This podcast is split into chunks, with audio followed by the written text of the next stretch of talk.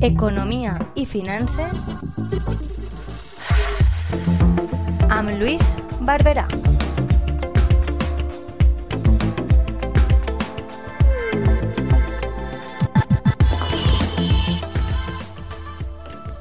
Hola amigos y amigas de la Tegua Radio, soy Luis Barberá y hoy en esta sección de Economía y Finanzas vamos a intentar aclarar dudas que nos han transmitido algunos escuchantes, sobre todo desde que hablamos de la pérdida del valor del dinero a causa de la inflación desbordada que padecemos.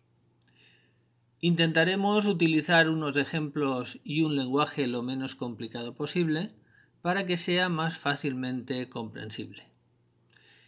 Empezaremos por decir que casi el 40% del ahorro financiero en nuestro país está depositado en productos cuasi líquidos, como son las cuentas corrientes y los depósitos.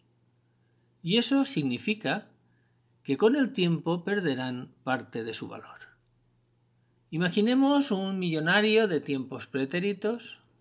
Era millonario porque poseía un millón de pesetas si ese millonario hubiera dejado dicho importe en una cuenta corriente, hoy poseería 6.010 euros con 86 céntimos y haría tiempo que habría dejado de ser millonario. Y la inflación es el motivo principal para que esto ocurra. Hay otros motivos, políticas monetarias, devaluaciones, etc., pero serían excepcionales. Así que nos vamos a ceñir a este por su continuidad en el tiempo. Por ejemplo, imaginemos una inflación de un 3% anualizada y un tipo de interés para el ahorro de un 0%. Si un ahorrador poseía 100.000 euros al cabo del año, seguiría poseyendo sus 100.000 euros. Pero el valor real de ese dinero comparado con el año anterior sería de 97.000 euros. Alguien podría decir que lo que antes podías comprar con 100.000 euros, ahora tendrías que pagar 103.000 euros.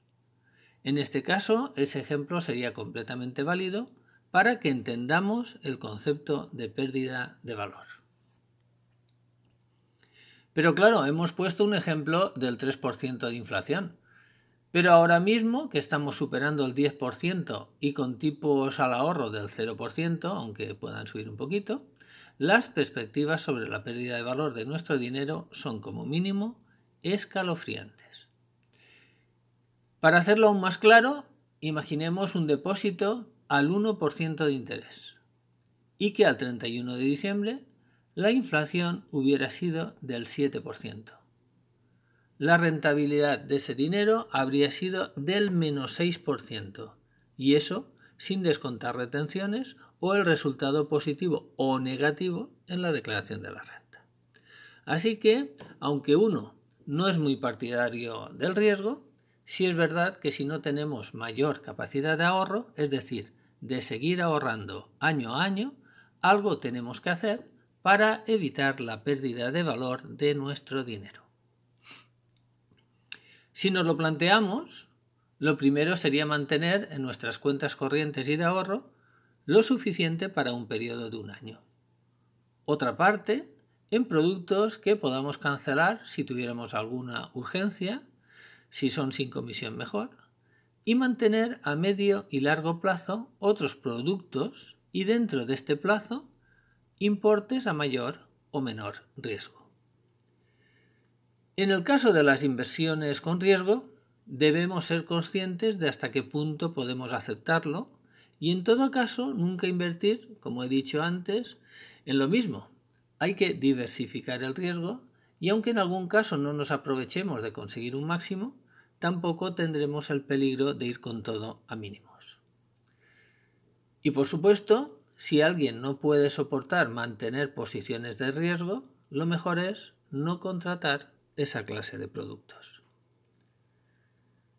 Si se ha decidido contratarlos, tras una buena planificación, se debe aceptar que puedan bajar de valor nuestras inversiones, habiendo previsto hasta qué límite o circunstancias para seguir manteniendo todo o parte de ese producto o cancelarlo llegado el caso.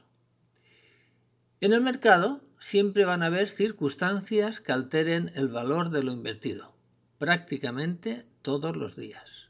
Se ha de estar preparado para ello. Así que repito, primera regla, preguntarme hasta qué punto soy capaz de admitir riesgo de pérdidas. A partir de aquí puedo o no invertir nada o decidir invertir hasta un tanto por ciento de mi ahorro, que será mayor o menor en función del riesgo que estoy dispuesto a soportar. Y la segunda regla, diversificar. No meter todo nuestro dinero en un solo producto. No solo es la clave para intentar por lo menos no perder o perder lo mínimo asumible, sino también para obtener resultados positivos. Podemos y debemos seguir consejos de profesionales o de particulares, ¿por qué no? Si el profesional es íntegro, nos recomendará los productos que mejor se adapten a nuestro perfil. Pero nos podemos topar con profesionales que actúen por su interés y nos puedan aconsejar productos que realmente no debieran interesarnos. Igualmente, un particular difícilmente reconocerá sus equívocos en sus distintas inversiones y estamos a expensas de una película. Pero dentro de nosotros y con cierto sentido común, sabemos fehacientemente qué productos nos son más adecuados o pueden tener mejores perspectivas de futuro. Todo es cuestión de elegir. Por ejemplo, en renta variable. Invertir en compañías rentables, a poder ser del sector tecnológico. También en compañías de energías renovables, de inteligencia artificial y tal vez de defensa, aunque este sea un, un, mercado moralmente mal mirado, pero por desgracia con unas elevadas perspectivas de rentabilidad. Y no debemos olvidar el sector servicios y en este el sanitario. Otros sectores con buenas perspectivas de futuro, aparte de las renovables a que antes hemos aludido, serían las que han aparecido sobre aprovechamiento del agua e incluso las de servicios hacia la tercera edad. En pequeñas cantidades nos podemos atrever con deuda privada, capital riesgo e incluso activos inmobiliarios. Algo menos en el oro pero solo como valor seguro para defenderse en parte de la inflación.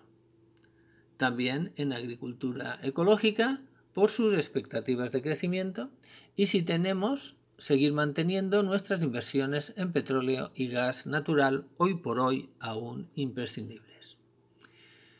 Y para terminar este artículo y a fuerza de ser repetitivo, pero lo hago así por la importancia que tiene lo que hagamos con un dinero que tanto nos ha costado recoger, es Planificación financiera. Un buen plan de inversión meditado. ¿Cuánto pongo? ¿Dónde y qué espero? ¿Cuánto tiempo y qué riesgo soy capaz de asumir? Invertir en empresas rentables y pensar a medio y largo plazo. Esto supone diversificar las inversiones y diversificar el riesgo. Y sobre todo, huir de las modas. Pero huir como de la peste. Últimamente tenemos el caso de las criptomonedas, todos son noticias sobre ellas, que si suben, que si bajan, que si tal, que si igual. Quien me siga en mi blog, el visigodo de Luis o se interese por mis artículos sabe que no soy nada pero nada partidario de los mercados no, eh, perdón, no regulados piramidales en muchos casos, incluso en la nube, por todo el riesgo que conllevan estas inversiones. Ahora bien, todos somos libres de hacer con nuestro dinero lo que nos plazca. Así que amigos y amigas, espero que os haya gustado este artículo y os emplazo al siguiente en la sección de finanzas y de economía de nuestra Tegua Radio. Así que un fuerte abrazo y os recuerdo otra vez que podéis seguir mis artículos, novelas y otros en mi blog elvisigodeluisbarbera.blogspot.com y en Facebook, Instagram como las novelas de Luis Berbera. Así que adiós a todos.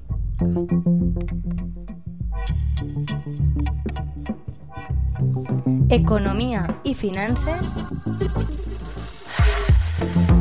Am Luis Barberá.